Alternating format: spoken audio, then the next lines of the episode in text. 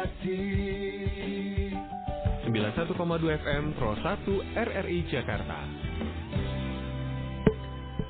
Ada lagi infonya, eh, mahasiswa asal Indonesia yang terjebak di Wuhan dalam kondisi logistik menipis dan tidak boleh keluar kamar apartemen karena khawatir tertular penyakit dari virus corona. Benar apa enggak, Bin? Nah, ini dia. Itu jelas hoax ya. Nah. Karena faktanya setelah dikonfirmasi ternyata tidak ada statement yang menyatakan tidak boleh keluar kamar. Mm-mm. Seorang mahasiswa yang menjadi narasumber juga menyampaikan kata boleh dan berani kan berbeda artinya. Dan sudah pasti juga beda pemahamannya. Ini dari Persatuan Pelajar Indonesia Tiongkok Cabang Wuhan membantah berita bohong tersebut ya. Dengan mengeluarkan press release di tanggal 24 Januari lalu. Di mana ditandatangani oleh Rizka Gusmida sebagai sekretaris dan Nur Musyafak sebagai ketua PPITW. Jadi eh, banyak ini salah satu juga ya. Iya. Salah satu kabar hoax yang sempat beredar. Oke, jadi netizen sebetulnya makin cerdas nih menyingkapi kejadian virus corona. Jadi nggak semuanya menyebarkan hoax juga. Mhm. Ada taga, tagar ya kita sebutnya ya. Jadi Iya. ada tagar awas hoax virus corona. Ini memuncaki trending topik di salah satu media sosial di Twitter ya. Mhm. Ini dilansir dari Detiknet hari Senin, tagar awas hoax virus corona ada di posisi 2 trending topik tri- Twitter di Indonesia. Mhm. Jadi ada sekitar 6.113 Twitter hingga pukul 12.30 kemarin. Waduh, dan jadi memang kelihatan ya, Mm-mm. kalau netizen ini yang udah gerah dengan puluhan hoax ya, Ya. bertema virus corona yang bertebaran di media sosial dan mereka saling memberitahu apa saja yang hoax Mm-mm. dan eh, mana saja yang benar ya. Ya. Mereka juga mengajak untuk saling mendukung dan bersimpati di Twitter dan hal ini terutama terkait WNI yang baru pulang dari Cina dan sedang masa pemantauan. Dan beberapa tokoh seperti Gubernur Jawa Tengah Ganjar Pranowo juga ikut meretweet ya. Ya. Tentunya informasi-informasi yang benar. Nah, Itu artinya dukungannya banyak ya, nggak cuman betul. Nggak cuman ya masyarakat aja bahwa ya ayo dia. lawan hoaxnya, jangan cuman apa namanya menyebarkan aja. Iya kan Gitu. makanya tadi eh, kita sempat di off air ya kita ngobrol Hmm. eh, kok ada ya bisa-bisanya orang berani membuat sebuah pernyataan yang itu direkayasa dan mengatasnamakan suatu Hmm. instansi atau mungkin pejabat publik. itu niat gitu itu. ya. Iya, terniat begitu ya. Lihat banget. Aduh aduh, tidak tahu apa semua kan menjadi kepikiran apalagi biasanya namanya ibu-ibu, bapak-bapak yang menerima Ya. informasi Ya. kan langsung ada rasa panik, kekhawatiran dan lain-lain. ya. Nah, ini warning lagi nih buat Anda yang suka menyebarkan hoax. Jadi, Hati-hati. terkait dengan sebaran hoax virus corona, polisi Mhm. juga menetapkan dua tersangka kasus penyebar berita hoax virus corona di Balikpapan, Kalimantan Timur, di mana keduanya ini memposting hoax corona lewat akun Facebook.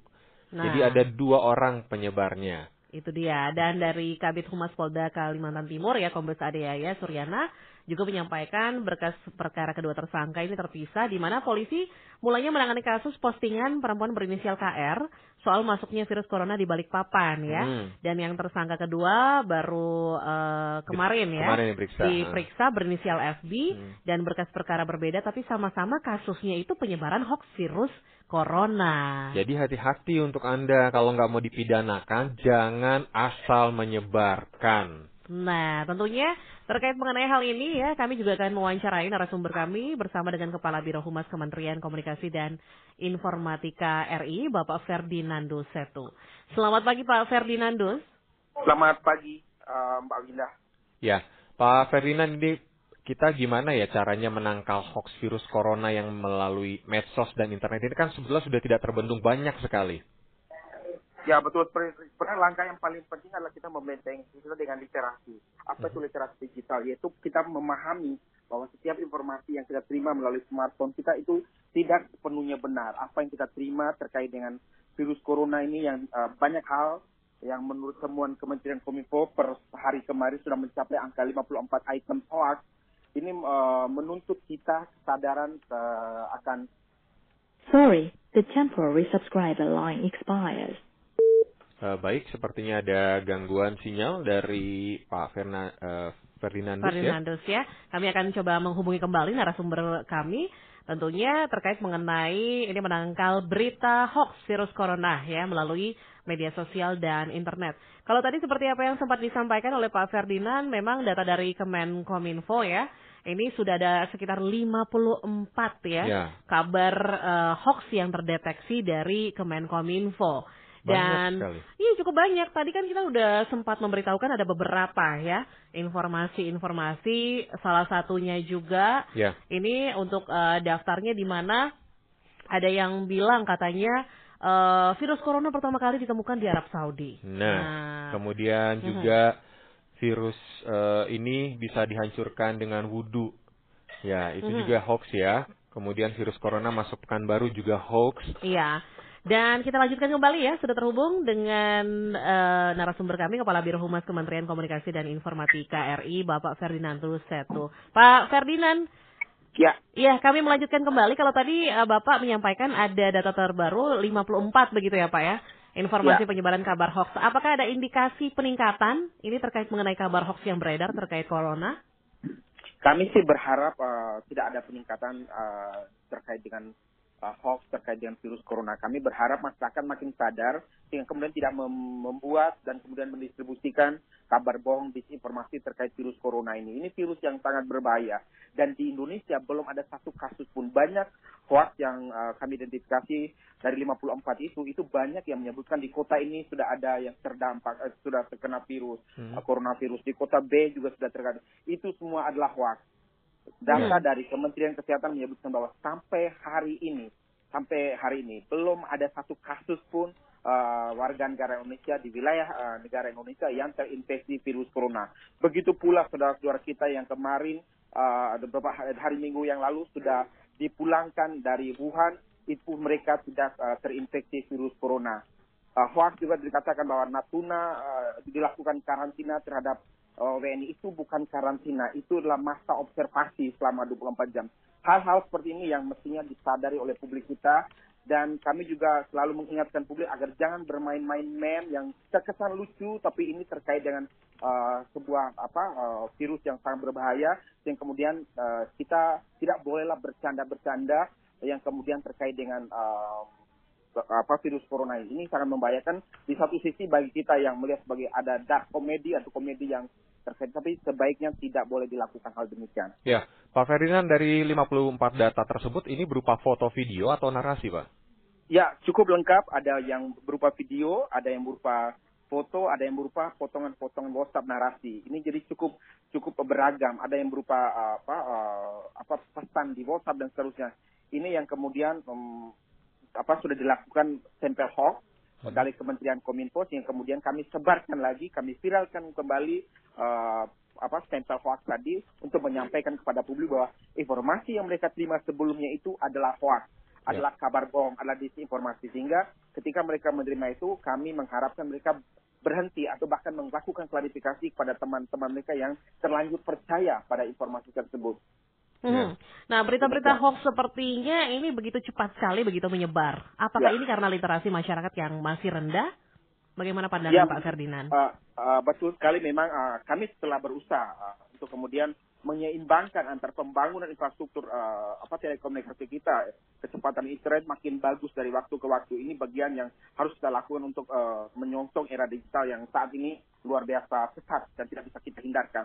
Tapi di sisi yang lain kita tahu bahwa literasi digital kita masih perlu ditingkatkan. Pemahaman kita akan informasi yang ada uh, di uh, cyberspace di uh, yang kita terima melalui smartphone kita harus kita tingkatkan. Kementerian Kominfo misalnya sejak tahun 2017 sudah menginisiasi sebuah gerakan nasional siberkreasi, gerakan literasi digital yang saat ini lebih dari 100 uh, organisasi baik kementerian, lembaga, BUMN dan uh, organisasi uh, sipil itu telah uh, melakukan berbagai macam langkah edukasi, sosialisasi tentang penggunaan pemahaman tentang teknologi informasi termasuk penggunaan smartphone, termasuk bagaimana memahami uh, informasi, bagaimana membedakan mana fakta, mana hoax, itu telah kami lakukan uh, sudah lebih dari uh, apa kota-kota di Indonesia sudah kami lakukan uh, literasi, tapi itu belum cukup. Kami butuh terus uh, apa peningkatan kesadaran dari publik melalui berbagai cara dan itu butuh kerjasama dengan seluruh komponen masyarakat. Ya. Bagaimana menumbuhkan budaya literasi masyarakat untuk bisa memerangi berita hoax, Pak? Tentu saja kita di sini membutuhkan logika berpikir. Kita tahu bahwa semantik kata-kata yang digunakan dalam uh, informasi hoax ini terasa, lo- terasa logis. terasa terasa ada benarnya kalau kita membaca sepintas. Tapi kalau kita lihat secara seksama dengan logika yang kita bangun, mestinya uh, konten-konten tadi sudah diyakini bahwa itu adalah hoax, itu adalah kabar bohong. Bagaimana mungkin uh, bawang putih dapat menyembuhkan virus corona? Karena Ya. kita tahu dari uh, informasi resmi bahwa sampai hari ini WHO belum mengeluarkan atau belum berhasil menemukan uh, vaksin untuk mem- uh, mencegah atau menyembuhkan virus corona. Bagaimana mungkin uh, macam-macam misalnya dengan segala cara obat-obat yang disebutkan dalam virus hoax itu, eh, sorry, dalam hoax tersebut itu dikatakan dapat mencegah meng- uh, dan menyembuhkan uh, virus corona. Ya. Ini logika-logika yang dibangun oleh hoax ini mestinya kembali disadarkan oleh kita semua bahwa itu adalah kecenderungan uh, disinformasi, adalah uh, misinformasi, adalah kabar bohong yang kalau kita sadar kita berhenti di kita kalau kita menerima kita berhenti atau bahkan kepada orang yang uh, posting di WhatsApp group misalnya kita langsung katakan itu pasti hoax itu pasti hoax Ya, Mhm. kemudian orang menjadi uh, tidak lagi menyebarkan karena kita mempunyai benteng di dalam diri kita bahwa kita punya analisis bahwa model tipe-tipe seperti ini konten-konten seperti ini cenderung hoax cenderung sebagai disinformasi agar kita tidak takut Iya. kalau kita bahaya besar dari hoax seperti ini adalah kita menjadi takut keluar rumah, kita menjadi takut berinteraksi dengan orang lain karena ketika uh, mendapatkan informasi yang keliru, kita kemudian uh, salah mengambil langkah, salah mengambil tindakan yang kemudian merugikan kita sendiri dan kemudian merugikan uh, kita sebagai bangsa. Iya, meskipun sudah begitu banyak terciduk konten berita-berita hoax, apakah secara otomatis langsung dilakukan pemblokiran atau baru sekedar himbauan saja, Pak?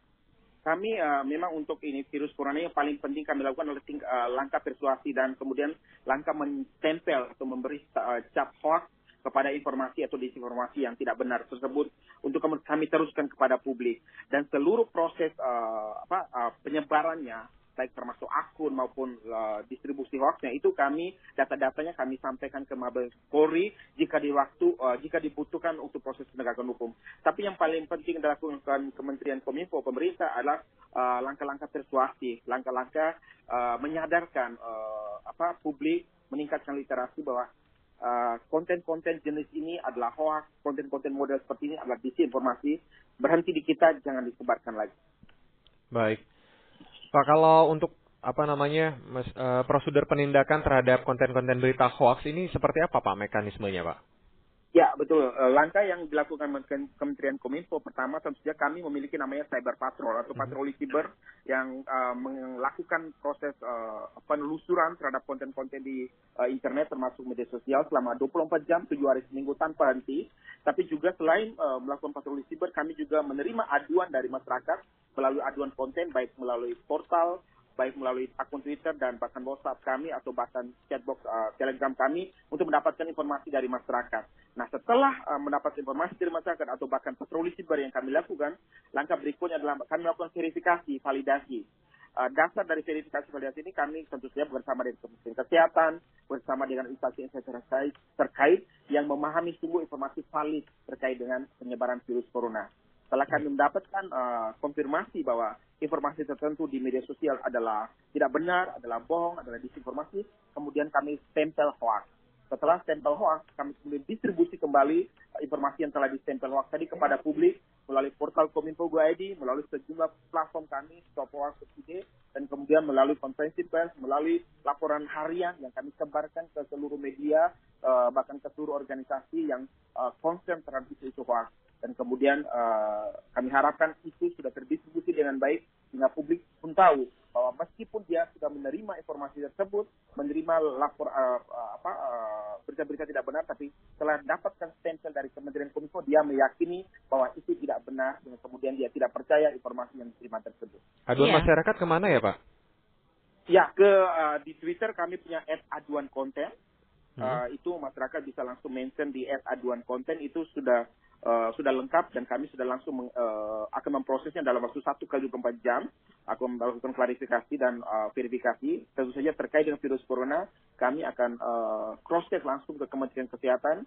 Kementerian Kesehatan sebenarnya menyediakan sebuah portal yang sangat baju uh, sangat bagus terkait dengan uh, penyebaran virus corona ini yaitu di uh, in emerging uh, apa infeksi emerging.kemenkes.go.id itu Hmm. situ sudah sangat lengkap uh, tanya jawab nah, update terus uh, seterusnya terkait dengan virus corona data-data yang terdapat di portal resmi kemenkes.go.id lah itu kemudian akan menjadi rujukan kami dalam melakukan verifikasi dan validasi terhadap informasi yang uh, ada di masyarakat terkait dengan virus corona ini. Iya, harapan kepada masyarakat terkait berita-berita hoax khususnya hoax virus corona, Pak. Ya, kami uh, Kementerian Kominfo Pemerintah Republik Indonesia tidak henti-hentinya menghimbau masyarakat, netizen, para pendengar radio RRI untuk senantiasa memilah dan memilih informasi. Tidak semua informasi yang kita terima di internet adalah benar adanya.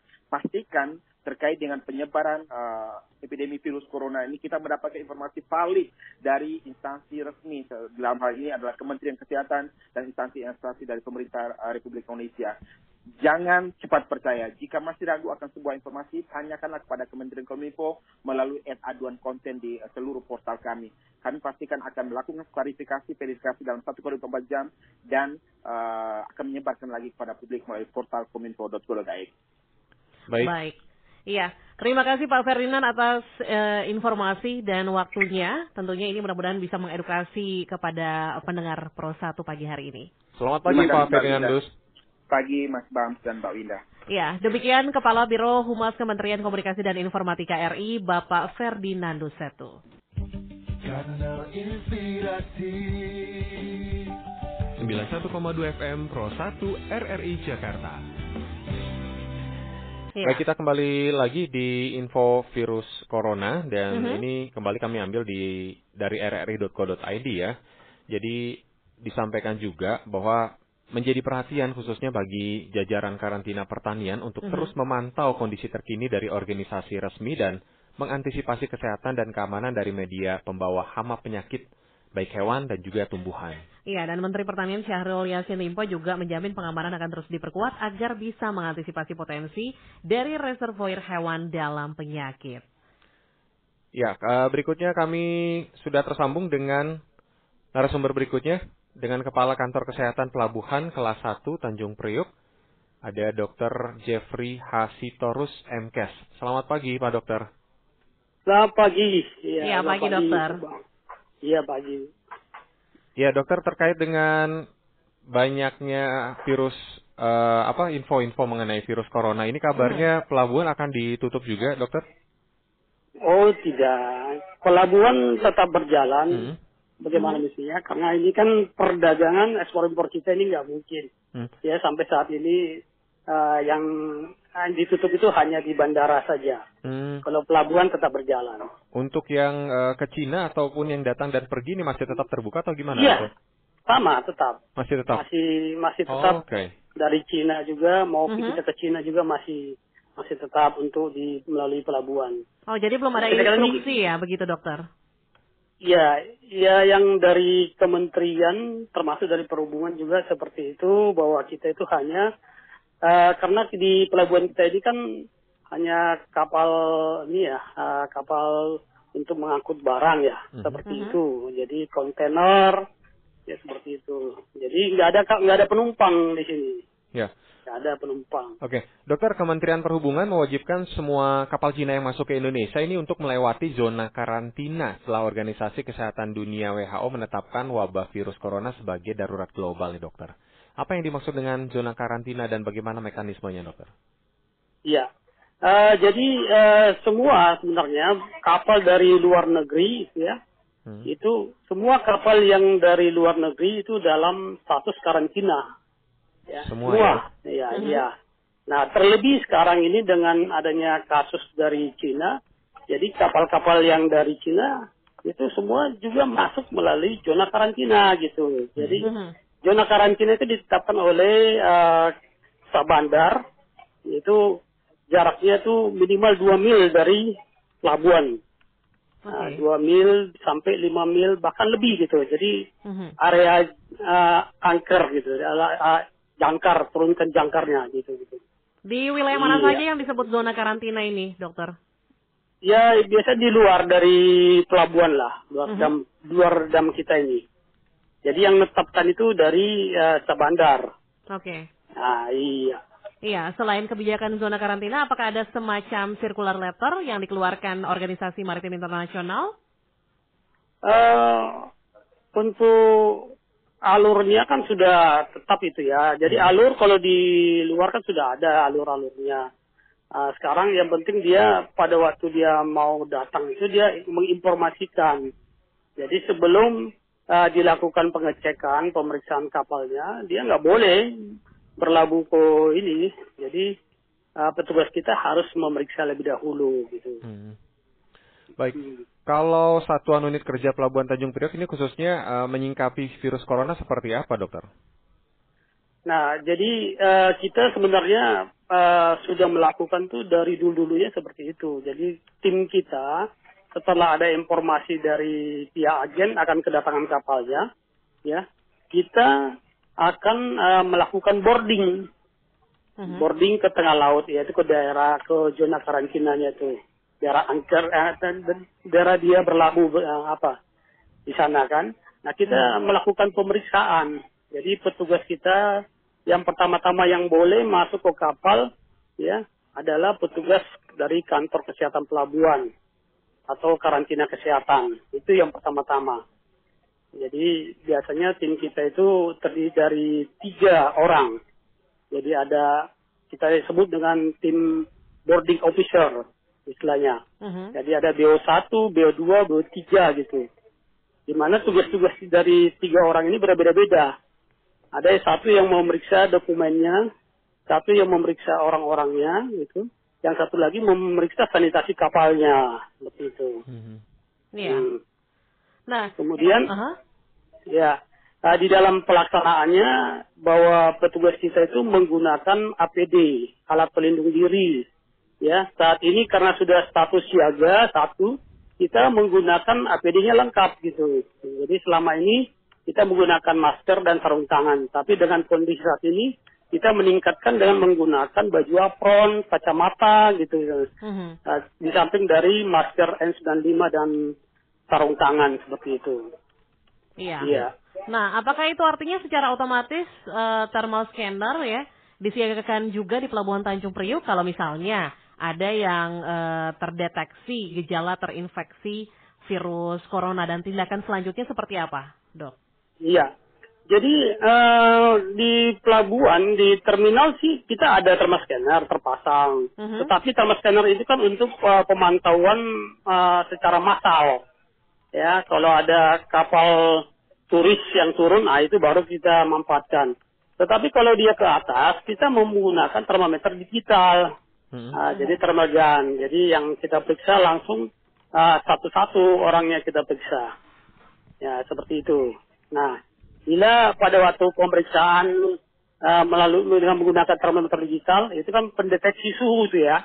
Pendeteksi suhu tubuh. Kalau dinyatakan ah, suhu tubuhnya ah, tinggi di atas 38, maka itu kita anggap dia ah, sebagai orang yang tersangka lagi seperti itu. Mhm. Nah, kalau itu kita temukan, ya kita bawa turun untuk diperiksa lebih lanjut gitu. Ya, dokter, kalau saat ini pantauan mobilitas aktivitas di pelabuhan apakah menurun ataukah mungkin ada eh, penumpukan kapal-kapal yang datang atau justru nggak ada, dokter? Kalau jumlah kapal ya tetap dia selalu ada, banyak itu Hmm. yang hadir, Mhm. yang datang ya seperti sampai saat ini dari Januari sampai hari ini ya. Tadi malam itu ada 33 kapal yang sudah masuk dari Cina. Mhm. Mhm. Ya, sudah sampai 42 lah ya dari Cina. Ya, 42 saya ralat. 42 kapal dari Cina Ya. dengan ABK-nya 891. Iya. 891 itu yang dari Cina. Jadi Ya, tidak ada 42 mempengaruhi kapal. Tidak mempengaruhi secara signifikan begitu ya Pak ya, walaupun memang sedang ada isu terkait mengenai virus corona ini. Oh, nggak ada. Ya, kan kita nggak bisa ini namanya kan eh, perdagangan, ekspor impor kan nggak boleh diganggu ini. Iya. Jalan terus gitu. Iya. Mhm. Terkait Ya. dengan keamanan untuk pemeriksaan apakah mereka akan terdeteksi virus corona ini seperti apa, dokter? Untuk eh, si ABK-nya? Ya tadi kita kan menggunakan pemeriksaan Thermal scanner thermal itu digital. ya? Oh, iya. digital, Bukan ya. thermal scanner.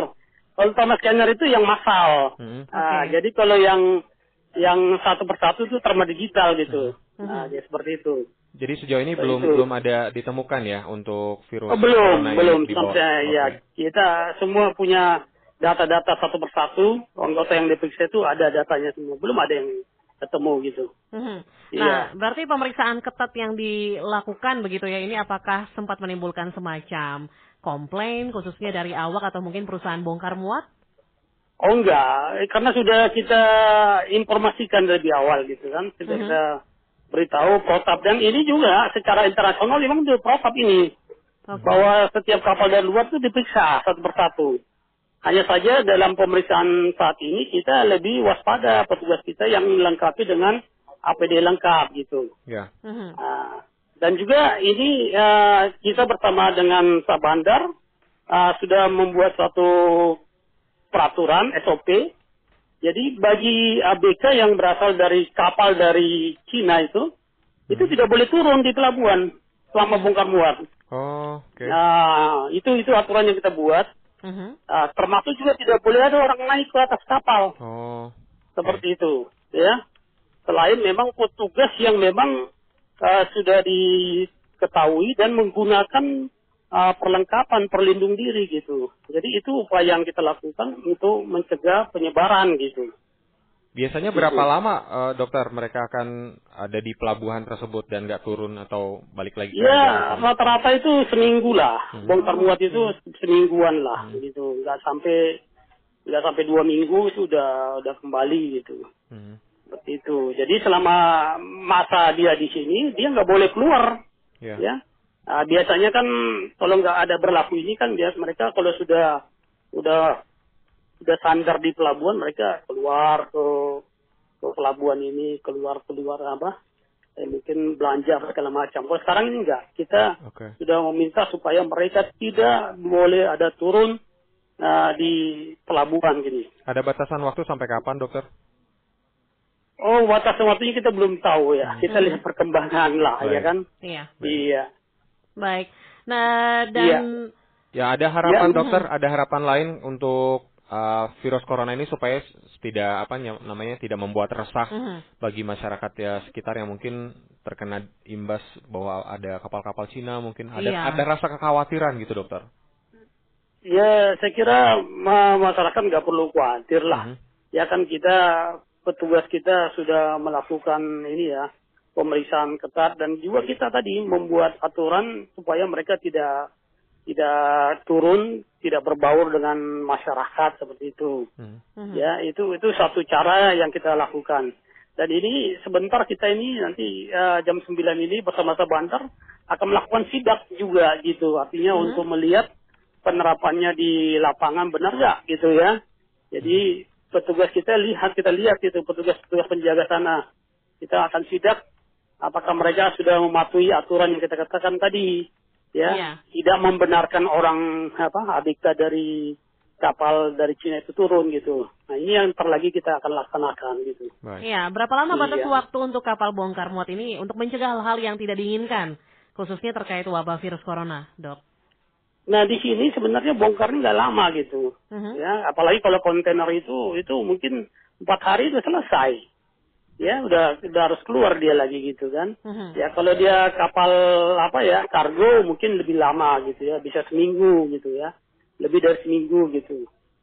Iya seperti Ya. itu dia penyaturannya.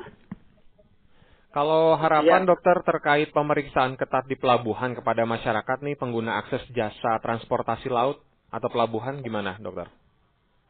harapan ya ya semoga ya ini masyarakat juga tahulah artinya paham artinya mau kerjasama lah gitu jadi karena juga masyarakat juga selama ini kan juga ya ada juga yang kepentingan juga yang ke kapal ini ya kan mereka ada yang ber, berjualan seperti itu gitu dan Iya. harapan kita tidak ada yang ini yang uh, lolos ya artinya tidak ada virus Mhm. yang masuk ke wilayah kita ini gitu aja. Baik. Iya. Ya. Baik, terima kasih dokter atas waktunya dan selamat kembali bertugas pagi hari ini. Selamat pagi dokter. Selamat pagi. Ya, selamat pagi. Demikian pendengar Kepala Kantor Kesehatan Pelabuhan Kelas 1 Tanjung Priuk, Dr. Jeffrey Hasitorus MKes. Kanal Inspirasi 91,2 FM Pro 1 RRI Jakarta. Ya pendengar masih di Lintas Jakarta pagi. Menteri Tenaga Kerja Ida Fauziah memastikan tidak ada pekerja migran Indonesia atau PMI di Cina yang terdampak virus corona dan diharapkan akan terus dalam keadaan baik-baik saja. Ya, dan PMI di Cina hanya ada 38 orang, itu sangat berbanding terbalik dengan jumlah PMI yang berada di Taiwan, yaitu 78 ribu dan di Hong Kong 63 ribu. Ya, namun e, dipastikan juga bahwa PMI di Taiwan maupun di Hong Kong juga dalam kondisi aman serta tidak terdampak virus corona ya. Dan meski demikian, dituturkan juga sekarang PMI tersebut sedang membutuhkan masker sehingga pemerintah berencana untuk mengirimkannya dalam waktu dekat. Ya, dan pemerintah juga akan segera membuat hotline service bagi PMI yang berada di Taiwan dan Hong Kong dengan tujuan untuk memudahkan dalam memberikan pelayanan kesehatan. Ya, ini kami lansir dari rri.co.id ya. Jadi dikatakan juga pemerintah belum ada rencana untuk melakukan evakuasi terhadap TKI yang berada di Hong Kong dan Taiwan. Sebab hingga kini belum ada laporan tentang TKI yang terkena virus corona. Ya, itu dia informasinya dan tentunya uh, apa yang tadi sempat kita bicarakan ya hmm. dengan narasumber kita juga tentang uh, menyangkal atau menangkal ya, menangkal berita hoax ya. virus corona. Tadi disampaikan dari uh, Kemenkominfo juga di mana ini bisa melakukan aduan ya. ya. Kalau misalnya mungkin pendengar Pro 1 mendapatkan informasi-informasi terkait mengenai berita hoax yang hmm. berkaitan dengan virus corona ya, hmm. Anda bisa langsung menyampaikan bisa via Twitter uh, di at aduan, konten. konten. Dan tentunya masih dengan pembahasan ya yang berkaitan uh, terkait mengenai virus corona.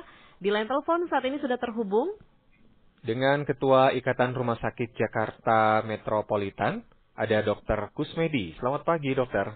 Pagi, Dokter. Selamat, ya, selamat pagi. Salam sehat selalu. Salam sehat, Salam sehat juga, sehat. dokter.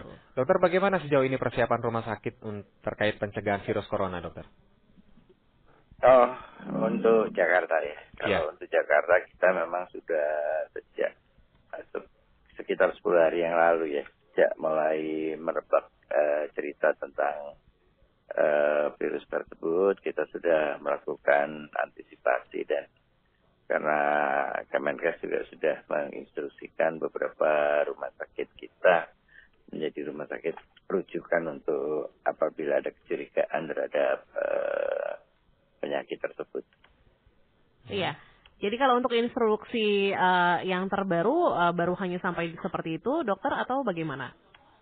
Ya, di ya untuk apabila ada kecurigaan, artinya semua pihak KKP tempat-tempat masuknya orang asing yang berasal dari luar uh-huh. ataupun yang kemungkinan akan terkontaminasi itu selalu diwaspadai dengan pemeriksaan suhu tubuh dengan deteksi menggunakan alat tersebut. Kemudian eh, tiga rumah sakit yang sudah ditunjuk sebagai eh, rumah sakit isolasi yaitu rumah sakit Sulianti, Rumah Sakit Persahabatan dan Rumah Sakit Gatot Subroto. Itu untuk antisipasi awal. Tetapi di DKI sendiri Dinas Kesehatan sudah uh, memperluas, artinya meminta kepada semua rumah sakit, terutama rumah sakit umum daerah, untuk menyediakan ruang isolasi untuk mengisolasi mereka apabila uh, ada kecurigaan hal tersebut. Mm-hmm. Uh, ya. Kemudian juga beberapa laboratorium uh, dipersiapkan untuk pemeriksaan daripada sampel uh, pasien tersebut. Ya, kalau sejauh ini perkembangannya apakah sudah ada yang dirujuk ke rumah sakit tertentu, dokter, terkait virus corona meskipun baru suspek gitu? Ya, ada memang beberapa yang sudah uh, dikirim ke rumah sakit ke rumah sakit tertentu untuk isolasi dan beberapa sudah dinyatakan negatif. Hmm. Uh, sampai saat ini belum didapatkan yang positif ya. Karena hmm. memang semuanya uh, hasilnya seperti itu. Ya. Iya. Nah kalau belakangan ini uh, dokter viral di media sosial ya berita-berita hoax virus corona di antaranya di mana ada yang uh, menyampaikan di rumah sakit rumah sakit tertentu begitu ya uh, dan uh, mungkin ini kabar yang menjadi simpang siur di masyarakat. Tapi bagaimana menyikapinya dokter? Iya, jadi eh, pihak Kominfo sudah sangat aktif sekali saya lihat eh, beberapa hoax sudah dinyatakan sebagai hoax dan tidak Mhm. sesuai dengan kondisi yang ada. Eh, tetapi yang paling penting adalah bagaimana kita eh, mempertahankan eh, kondisi tubuh kita semua ya. Karena ini juga cuacanya sedang tidak baik. kan. 91,2 FM Pro 1 RRI Jakarta.